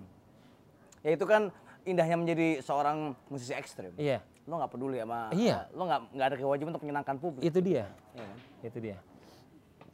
Jadi waktu itu I Cry itu bener-bener album yang pure. Nggak ada pressure, nggak ada tendensi, nggak ada target, nggak ada. Tapi kan dua album sebelumnya masih mentah banget ya, menurut gua ya. Tapi ketika I Cry, di situlah eh, apa ya tonggak atau blueprint dari eh, siksa kubur ke sini gitu, Mhm. ya kan? Ya itu dia. Eh, eh, perfection, kadang-kadang lu bisa mendekati perfection ketika lu ngerasa lu sangat jauh dari perfection. ketika lu ngerasa lu dekat dengan perfection, mungkin lu sangat jauh malahan. Gitu. Tapi ketika lu ngerasa lu jauh, mungkin di situ. Gimana ya? Kalau menurut gua waktu itu kita nggak ada, kita rekaman cuma 8 shift Rio. Anjing, Andian Gorus 2 shift. Delapan shift untuk album kompleks itu. Andian Gorus dua shift kelar. Gila nggak tuh orang? Andian Gorus dua shift kelar. Gua dua shift rhythm kelar. Bebek satu shift bass kelar. Japra dua shift vokal. Gua satu shift buat nge- ngelit. Udah. Jatahnya cuma segitu, nggak ada duit lagi. Oke. Nggak ada duit lagi. dari mana ide adanya em, choir? Ah, Oh, itu teman-teman itu gereja dari gua. mana itu datang? Itu teman-teman gereja Itu- gua. Itu yang membedakan lo dengan album death metal lainnya. Di saat itu gue baru baru mencapai level ekstrim, gue mau tahu death metal Aha. 2003 itu. Gue langsung cari yang lokal kan, hmm. gue dapet lo, jebret, wah gila ngentot nih. Eh, dari mana? Dari mana choir dapet? Jadi awalnya itu eh, pengen nyari di internet tadinya. Kalau nggak salah tuh Gorus bilang cari di internet nih Kenapa suara ada choir maksud gue? suara koyer-koyer gitu Oke. biar eh, lebih horor aja gitu kesannya ya, kan. lebih kan? merinding ya. Lebih merinding kan. Tapi eh, alangkah baiknya kalau kata Andian kalau nada vokalnya sama kayak gitarnya gitu kan. Akhirnya mau nggak mau kita kita buat telepon teman-teman gereja gua.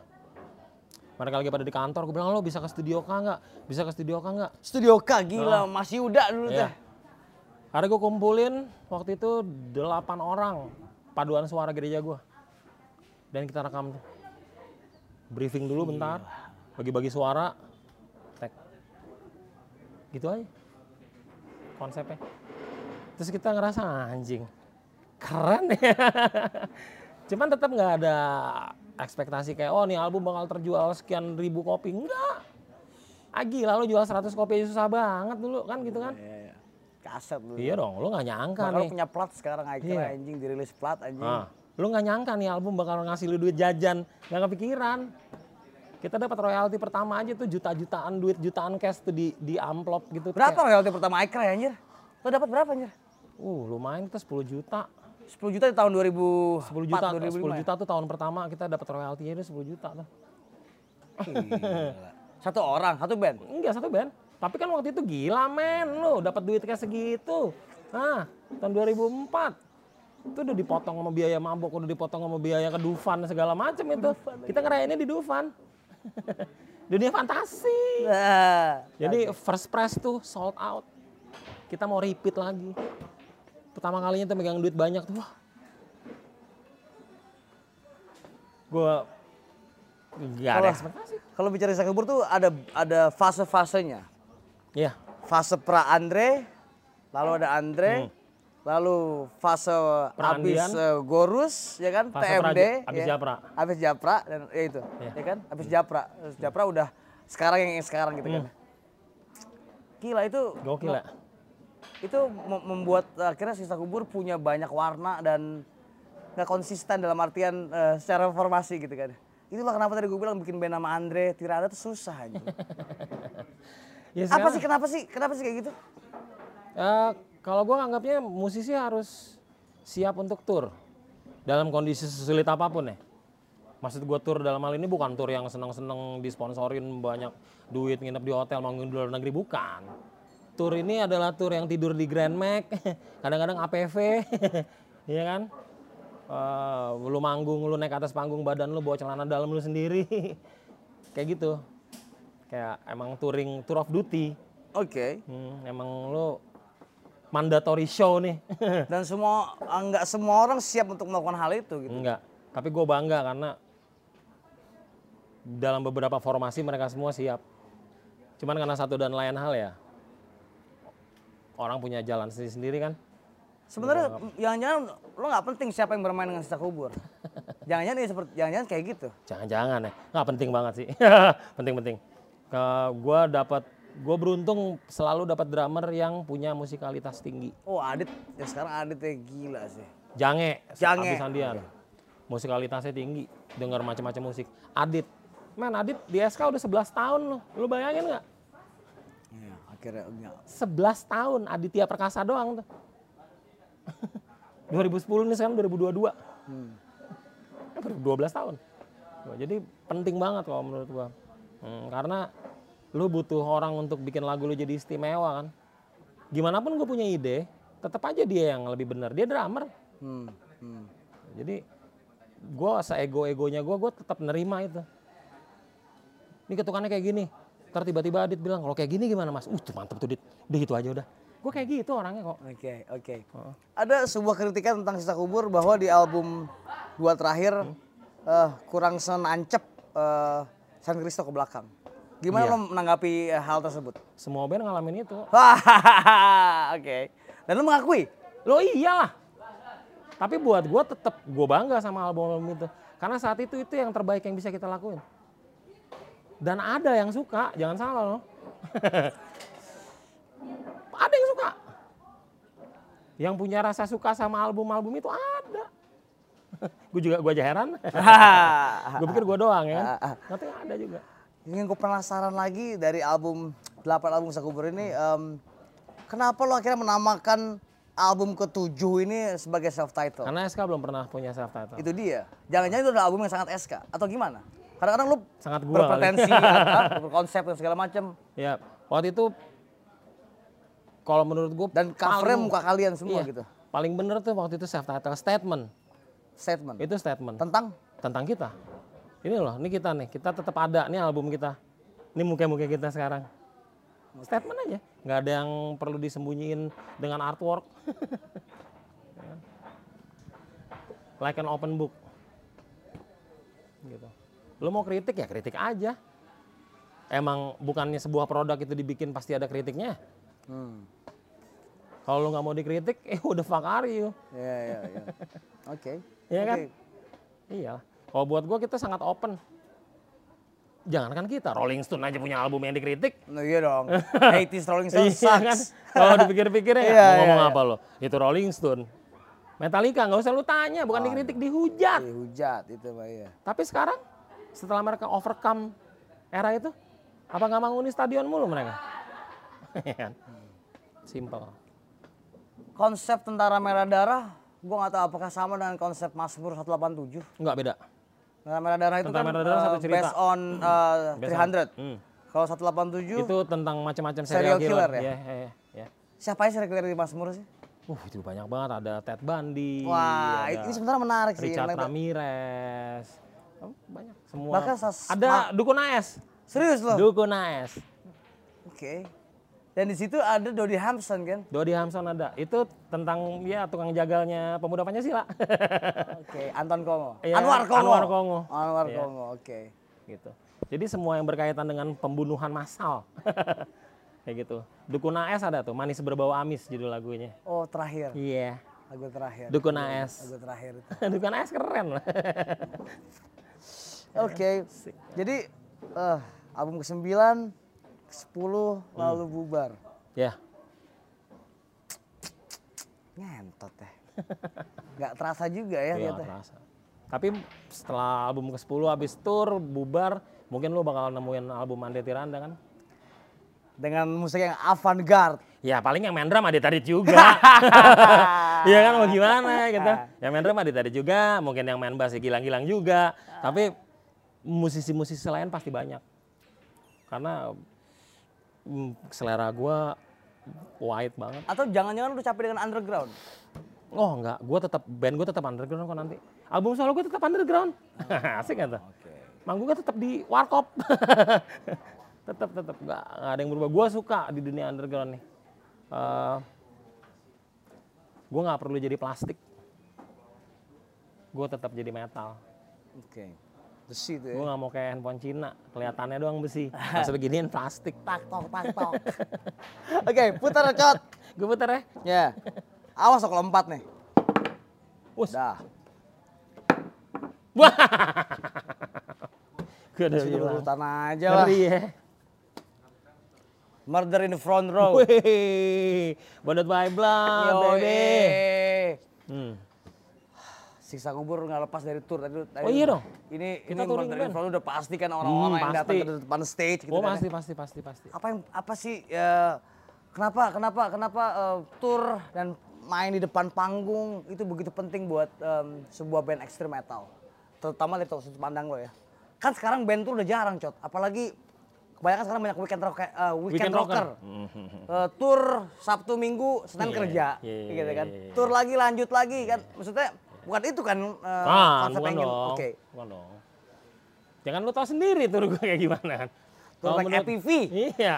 Kalau menurut gua hmm, pentingnya murder in the front row itu. Iya. Karena energi itu harus berbalik. Energi harus ada arus balik. Kalau bahasa elektroniknya PMPO katanya. Hmm. Ya kan kalau lu nyetel tip, listriknya cuma satu arah doang meleduk tip lo. Dunia juga sebaliknya. Kalau menurut gue energi harusnya kayak begitu. Energi harusnya eh, dari lo nonton give back lu dapat energi dari mereka lu ngasih kayak Dan lu sering juga, bukan sering ya, beberapa kali, gue bilang sering sih, em, melewati daerah-daerah yang berbahaya. Dalam artian seperti lo melintas katulistiwa. Iya, iya, iya. Ya Wah, kan, lu gila. Borneo lu hajar kan. hmm, naik ferry 12 jam Anjing, maksudnya lu juga pernah hajar Sumatera. banget Lu hajar Jawa, Bali, Lombok. iyo eh Gila. Dan orang yang nggak bisa ngikutin lo, pecat.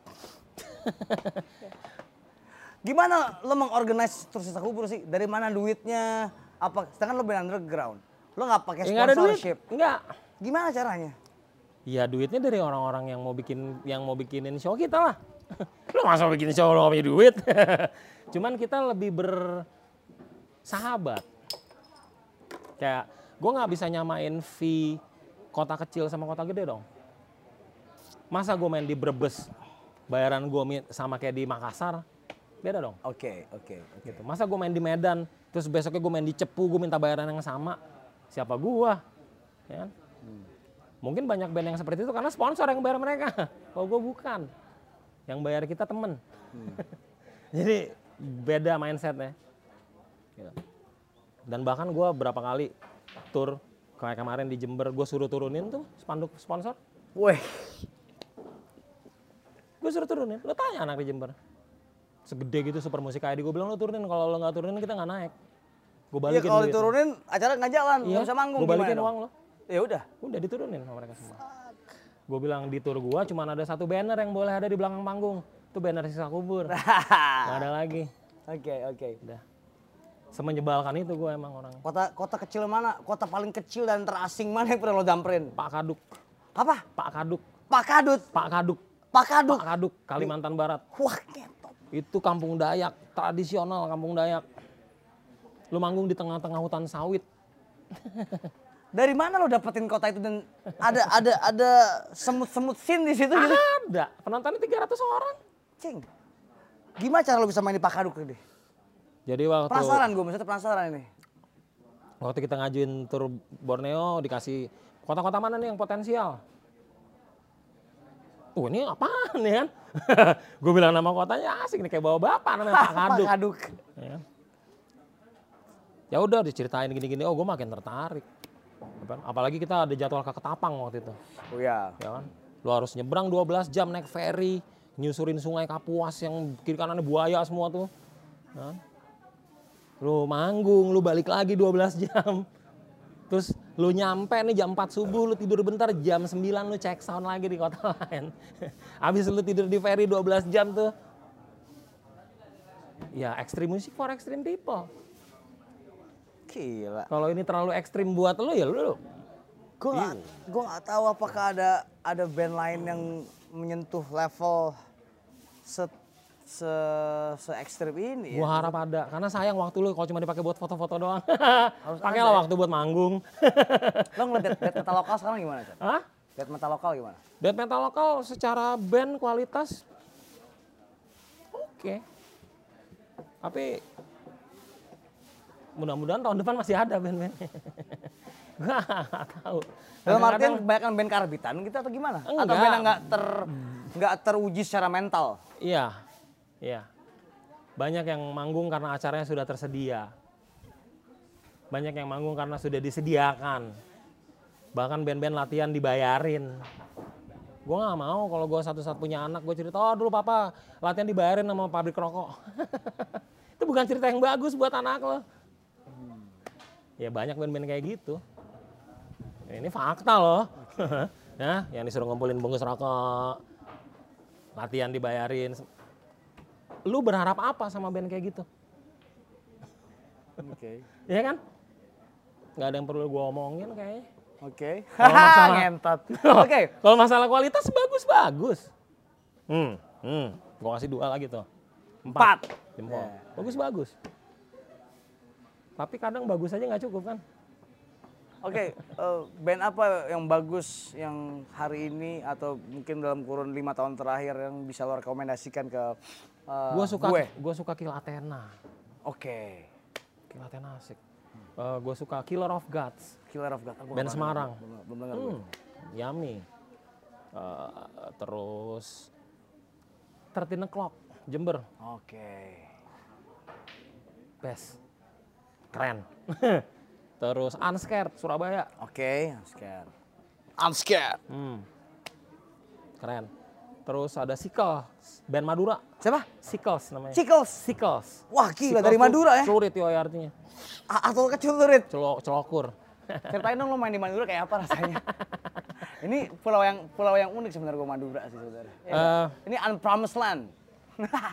Pantainya hitam, ya nggak? sebetulnya waktu itu kita sebetulnya buka- kita nyaris manggung di Madura. Cuman karena waktu itu Baken orang Dayak. Ah, bisa ditebas palanya tuh ya. Jadi waktu itu pertimbangannya tuh emang menakutkan juga tuh. Gitaris gue Dayak. Terus dapat tawaran manggung di Madura. Iya kan, gue gak ego itu juga dong. Akhirnya lo main di Iya Surabaya. kan? Surabaya. Tapi for better or worse kita tetap akan ke Madura sih. Iyalah, menurut gua itu sebuah pulau yang mungkin harus Dan dilalui karena- sama band Ya. sehitam lo gini ya. Dan dan emang udah ada udah ada jamin dari teman-teman di sana. Oke, kita datangin lah. Semua tempat. Tur album 9 ini gua harap tur Indonesia kita jadi. Sampai ke Papua dari Aceh sampai Papua. We'll see. Seberapa jauh siksa kubur mau berkompromi? Oh, jauh banget. Masa lo mau berkompromi? Tanya aja sama Aca Street Dancer. Cak. Tanya apa nih sama ya Aca? tanya aja gue main di acara Street Dancer pernah dibayar lebih dari nasi padang nggak? Wah, gila. Tanya. Cot gini, kalau misalnya band selegenda lo mau dibayar em, dengan tarif nasi padang, Mhm. lalu itu akan menjadi standar harga Enggak. Fee untuk band dengan 8 album. Mhm. Lalu band-band yang akhirnya udah berjalan selama 20 tahun, 15 tahun, siksa kubur aja mau dibayar gini kenapa lo nggak mau? Itu gimana lo menghadapi itu nanti? Karena gue kalau di acara lo, lo, lo jadi jadi baseline nyanyi. Karena gue kalau di acara gede gue minta bayaran gede. Namanya kompromi kan. Oke. Oke. Ya masa di Java Rockin Land gue minta bayar nasi padang ya nggak mungkin dong. Masa di Emersonic gue minta bayaran nasi padang ya enggak lah. Lu harus tahu siapa yang ngajak lu main. Lu harus tahu lu bermain di mana. Lu nggak boleh lupa dari mana lu berasal. Nah, tanpa mereka lu bukan siapa-siapa. Buat gua kok duit apa ya? Siapa sih nggak butuh duit? Hmm. Tapi buat gua duit bukan segala-galanya. Gue bisa dapat uang dari mana aja kok. Harusnya kita kan dikasih dikasih akal. Itu dia ya. Jadi kompromi yang lo maksud itu bukan kompromi ke atas tapi kompromi ke bawah. Iya, kompromi ke bawah. Itu selalu underground kan. Sejak kapan underground itu ke atas? Oke. Menurut kamu sebesar bahasa Indonesia, underground itu di bawah. Oke. Kompromi lu selalu ke bawah lah. Oke. Ya. Iya, iya. Oke, Cot. Kalau tinggal dua, lo pilih aja kiri atau kanan. Kiri. Belum nih ya. Kiri langsung tek. Lo emang anjing lo ya. Nomor lima beneran, Cot. Liverpool kosong, Inter 4. Ini sebenarnya skor eh, hayalan gua karena gue Inter Milan di Liverpool gua tahu. Menurut gue Liverpool sekarang oke lah. Tapi kemarin harusnya dia pantas kalah di Piala Champion. Ya nggak apa-apa kalau satu kosong, menangnya dua kosong. Nggak apa-apa. Apa kenapa sih ke Liverpool? Gara-gara karkas. Enggak. Gak gara The Beatles. Anjing, tato full. Ngomong dari tadi kayak gini, sukanya Beatles. Oke, kenapa Beatles? Karena Gue setiap gak tau kenapa Beatles. Orang bisa Beatles versus Stones. Orang-orang kayak lo gini akan eh, mudah ditebak. mudah ditebak, lo pasti gak mudah ditebak. Ke Stones, tapi lo milihnya Beatles. abang gue Stones banget. Oke, jadi beri alasan gue yang tepat kenapa lo suka Beatles dibandingkan Stones. The Beatles, bi- eh, gini loh. The Beatles itu band yang udah mainin semua musik yang hampir semua musik yang udah ada di dunia nih. Dan mereka tetap The Beatles, nggak ganti nama, nggak ganti ini, nggak ganti itu, nggak ganti personil bahkan. Dengan orang yang sama, lo bikin album yang beda. Lu kalau denger Abbey Road sama denger Please Please Me kan kayak band yang beda. Ya nggak sih? Lu denger lu denger Revolver deh. Sama denger Help gitu. kayak band yang beda. Se, se, ekstrim itu mereka. Jadi menurut gue band ekstrim itu The Beatles ekstrim. ekstrim dalam arti kata. eh, Oke. mereka oke. mau keluar dari zona nyaman. Oke, contoh paling ekstrim dari Beatles menurut gue adalah Revolution Number 9.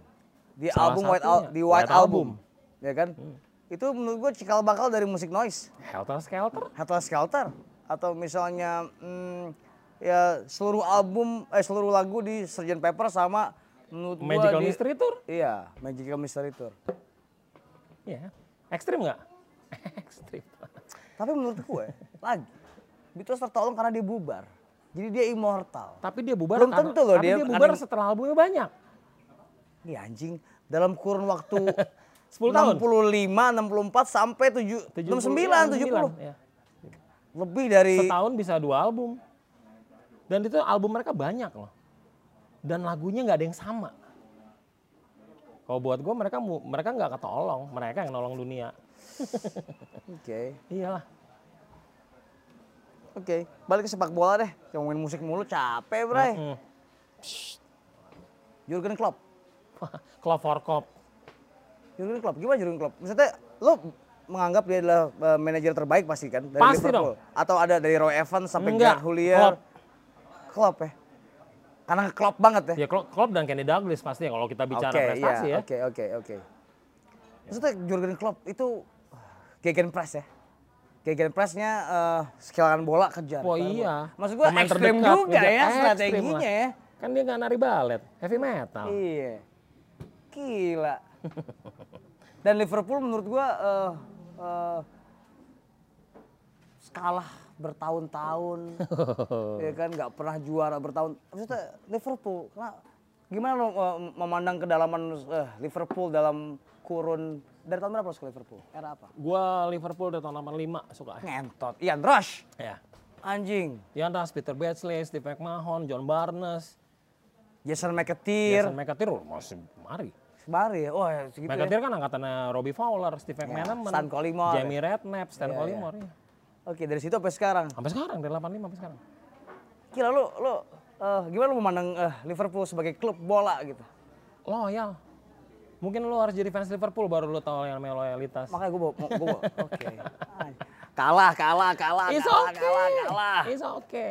Tetap mau dibilang loser full, you never win again, bla bla bla, it's okay. Oke, Who's laughing now? oke, oke. Ah, oke. Kalau ngeliat, eh, mm, mm, Madura United. enggak, enggak, enggak. Kultur hooligan. Ah. Oh, jelas dong Liverpool salah satu yang the best supporter loh. The best supporter dan paling rusuh sebenarnya. iya, gimana? Gara-gara supporter Liverpool, eh, Tragedi Inggris Hazel. di di band nggak Iya, bisa iya, nggak bisa ikut iya, Piala Dunia. iya. Tragedi Hazel kan? Tragedi Iya Hazel. kan? Itu kan. Tapi ya gimana? Lu nggak bisa ngelarang young lads with beer in their hands. Penyerang Liverpool paling lo suka siapa? Sampai saat ini kalau buat gua Torres. Viking, hmm, Bukan. Robbie Fowler. Oh dengan goyang yang snort koke deh. Robbie Fowler. Buat gua Tapi dia gak pernah bawa Liverpool juara. Walaupun dia produktif jadi top scorer selama, oh lama itu. Robbie Fowler. Dia he's never take anything for granted. dia dia pokoknya mau situasi kayak apa pun gitu dia gua nggak tau gue suka liat dia main eksplosif mainnya meledek gitu kayak striker Inggris yang sebagaimana harusnya striker Inggris Inggris nggak punya lagi striker kayak gitu Kick and rush, das lari deh gitu kan ya. dan Liverpool udah ninggalin kayak yang tas sejak pertengahan Iya, 80-an iya, iya. sejak Kenny Douglas megang Liverpool Main udah udah udah satu dua itu ya. Iya, gila loh.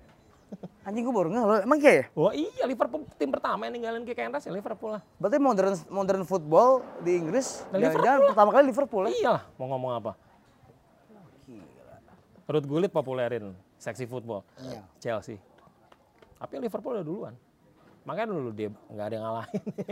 ya cara mainnya udah lebih maju duluan. Oke. Terakhir ya. Hmm. Jah Rosario. Um, gue ngeliat ada eh, tato marijuana medis di Hmm, medical. di, ya. di medical. Eh, bisa jelasin tentang eh, tato tersebut? ya daun ini menyembuhkan. Oke. Daun ini ciptaan Tuhan menyembuhkan dan udah ada buktinya di mana-mana secara klinis, secara teologis, Teologis. Makanya ada Rosario ya tadi makanya, ya kan? Tapi karena satu dan lain hal ya bisa jadi ladang uang buat bangsat-bangsat yang bermain ya. Besok-besok daun singkong juga bisa dilarang. Menurut gua eh, tentang marijuana ini eh, lebih bukan tentang mabok-mabokan, tapi bagaimana eh, seseorang bis- berani membuka pandangan terhadap hal-hal yang konservatif. Ya nggak sih? Setuju. Maksudnya eh, mm, banyak orang bilang pendapat mayoritas bahwa ini eh, distigmakan buruk, gitu kan. Jelas. Kita nggak berani menggali hal tersebut gitu. Enggak lah, 200 juta. Ya kan? Polisi lebih suka nangkep orang yang cuma punya satu linting ketimbang koruptor yang udah triliunan. Ya kalau lu udah hidup di society yang rusak kayak gini lu mau ngapain? Ya. Lu pilihannya lu mau ikut jadi rusak atau lu mau nyantai-nyantai ngeliat orang-orang Ya, rusak? Padahal kalau kita bisa lebarkan eh, dari isu ini adalah ada isu industri juga gitu kan. Ada isu, ada, ada isu isu industri, ada isu kesehatan, ya kan dan rekreasi. Betul. Sebenarnya kan itu kan. Itu. Tapi semuanya dikriminalkan kita. Iya. Karena basicnya orang-orang di orang-orang yang kerja di lembaga peradilan di Indonesia nggak ada yang adil. Jangan-jangan eh, undang-undang itu. undang-undang narkotika adalah bukti bahwa bobroknya eh, bangsa kita ini. Sangat terbukti kok. Sekarang eh, gini deh. Yaelah, kayak polisi pada kayak nyabu aja kentut. Nah, ayo pada mau berani nggak sumpah depan kitab suci lo pada? Hidup lo pada bersih. Kau berani biji kanan gue gue kasih buat Kapolri. ayo, Gila. biji kanan gue nih. Iya, oke. Oke. Kurang biji kanan dua-dua ya lo ambil. Oke. Hipokritas ya. Iyalah, hipokrit, fucking hipokrit man. Tapi nggak apa-apa, kita butuh sesuatu untuk dibenci buat berkarya. Anjing, ini seperti lingkaran nggak akan pernah penuh, ngerti nggak lo? Maksudnya gini, eh, kritik akan hidup ketika ada konflik. Ketika konflik sembuh, kita nggak seperti nggak punya eh, nyawa atau inspirasi untuk eh, merangsang pikiran kita Benar. kreatif. Benar. Jangan-jangan selalu ada kiri dan kanan ini dibutuhkan gitu ya. Oh, jelas. Jangan sampai ada semuanya, eh, berarti eh, perdamaian adalah hal yang sangat utopia. Oh, perda jelas. Iya maksudnya lah. perdamaian, keadilan, segala hal yang utopia. benar-benar tuh utopia. Nggak lah. akan pernah terjadi Nggak gitu akan kan. pernah terjadi. Dan jangan sampai terjadi, jangan. Jangan. Kenapa? Orang di pabrik senjata makan apa, Bos? Ya kan? Pabrik senjata karyawannya jutaan loh seluruh dunia. Harus ada konflik, harus ada orang-orang hipokrit yang kita perangin. Harus ada. Dan kita harus ada supaya mereka tetap jadi hipokrit dan masuk neraka mereka semua. Sampai kapan sih Indonesia masih bisa bisa eh, kapan eh, Indonesia bisa menerima bahwa ganja itu adalah eh, sebuah stigma yang bisa direhabilitasi? Sampai generasi yang sekarang ini habis semua nih. Generasi hipokrit, motherfucker nih habis semua. Oh, panjang dong. entah mati, entah dimatikan, apa pokoknya pokoknya mereka nggak ada deh, ya kan? Terus diganti dengan tunas-tunas baru yang lebih open mind, yang lebih well educated, yang lebih punya rasa ketimbang mengedepankan rasa ketimbang logika, sometimes, gitu. Itu akan itu itu bisa saja terjadi. Gue menganggap itu hal yang utopia baru lu ngomongin. Kayak nggak mungkin terjadi nggak mungkin terjadi. Tapi kalau di kalau ditanya kalau memang harus ada jawabannya, itu sama kayak orang nanya gimana nih kita bisa selamat ya ntar lah kalau kiamat ada Superman Iya. yang nyelamatin dunia. Kemarin- ya kan? Kemarin LGN udah eh, uji eh, banding ke Mahkamah Konstitusi, Ah. ya kan? Dan, Bentar dan lagi.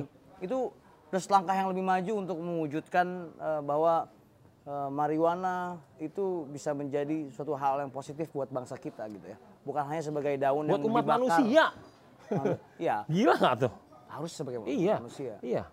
Tapi ya Belanda udah, Uruguay udah, Thailand udah, Malaysia Malaysia udah. Yang dulunya digantung orang di sana, ya kan apa segala. Indonesia enggak, Indonesia klasik soalnya. Maksudnya klasik, Indonesia vintage. vintage atau Vintage gobloknya. eh, atau banal, dangkal. iya dangkal. Vintage blow on ya maksud gua. Gitu nggak ada. Iya karena itu lahan yang menjanjikan. Apalagi sih lahan yang menjanjikan kayak lu ngelihat seorang seniman yang mm, punya masa depan cerah, seorang seniman yang lagi memulai buat berkarya, terus lu perlakukan kayak kriminal.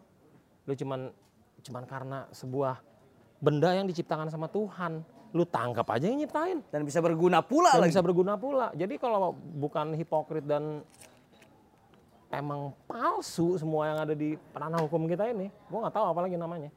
Tapi they lost my respect long time ago. gitu. Jangan lu udah lama nggak nyoblos pemilu nih. Udah nggak tahu deh. ya menurut gua sulit ya. Mungkin kita nggak tahu generasi muda, mungkin kita dikasih umur buat ngelihat perubahan itu, mungkin bisa dilegalkan di beberapa kota besar di Indonesia, who knows? Itu bisa aja. Terdengar utopia tapi bisa aja. Ya itu dari balik lagi karena menurut gua eh, tentang eh, marijuana ini bukan tentang hanya eh, mabok-mabokan. Hmm, bukan tapi dong. coba kita kembangkan eh, otak kita. Kita- Riset lagi. Iya bisa bisa fungsinya lebih jauh daripada sekedar stigma buruk. Betul, betul. Dan Oke. itu dan itu bisa kita dapatkan informasi itu dari orang-orang yang bersentuhan langsung kayak masyarakat tradisional di Aceh. Ya, jelas orang-orang di kampung sana punya obat sendiri gitu. Jadi emang nggak ada sejak kapan sih sejak kapan sih aparat kita mau negakin hukum? Gue sampai sekarang masih nyari loh ya kan nggak ada penegakan hukum di sini semuanya kayak sinetron buruk gitu Ya, Oke, oke, oke. Ada. Thank you Cot. Sama-sama. Terima kasih udah ngebacot di sini. sama-sama thank you banget Oke, Tantomo cabut. Eh, Andri Tiranda, ciao. Nongkrong terus kita ya. Kopi joglo pastinya Kopi Enak Joglo. tempatnya. Terima kasih Kopi Joglo. Kopi Kopi Joglo, thank you Joglo. banget Kopi Joglo. tempatnya asik Tempatnya asik. buat nyepik nyepikin Ngebirnya anak nggak orang. habis-habis. ya buat nyepikin anak orang ya. Dah. thank you ciao